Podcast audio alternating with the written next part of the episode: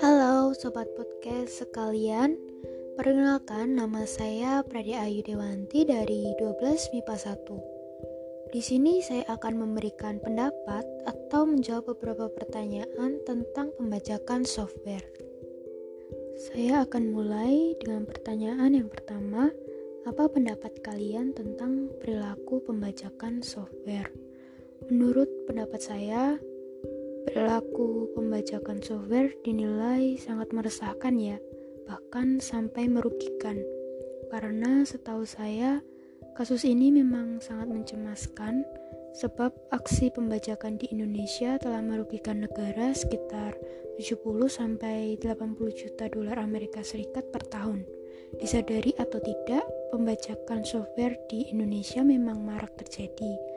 Begitu mudah kita mendapatkan software-software bajakan dengan harga terjangkau di toko-toko penjual software komputer, bahkan di pedagang-pedagang kaki lima.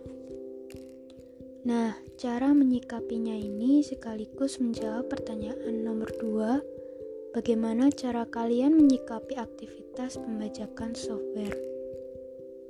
adalah harus melibatkan banyak pihak, baik para produsen software, pemerintah, maupun pengguna software. Kalaupun sudah terlanjur memiliki software bajakan, sebaiknya hanya menggunakan software tersebut untuk kepentingan pribadi dan tidak mengomersilkan software tersebut untuk mengeruk keuntungan pribadi.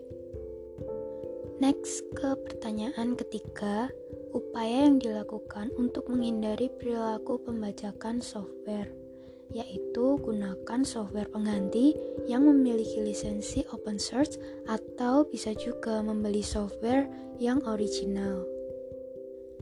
Dan yang terakhir adalah bagaimana sikap saya jika software tersebut milik saya sendiri.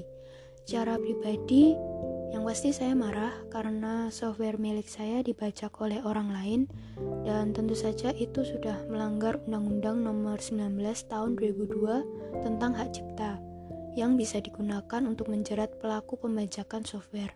Jadi saya tinggal melaporkannya kepada pihak yang berwajib. Sekian penjelasan dari saya.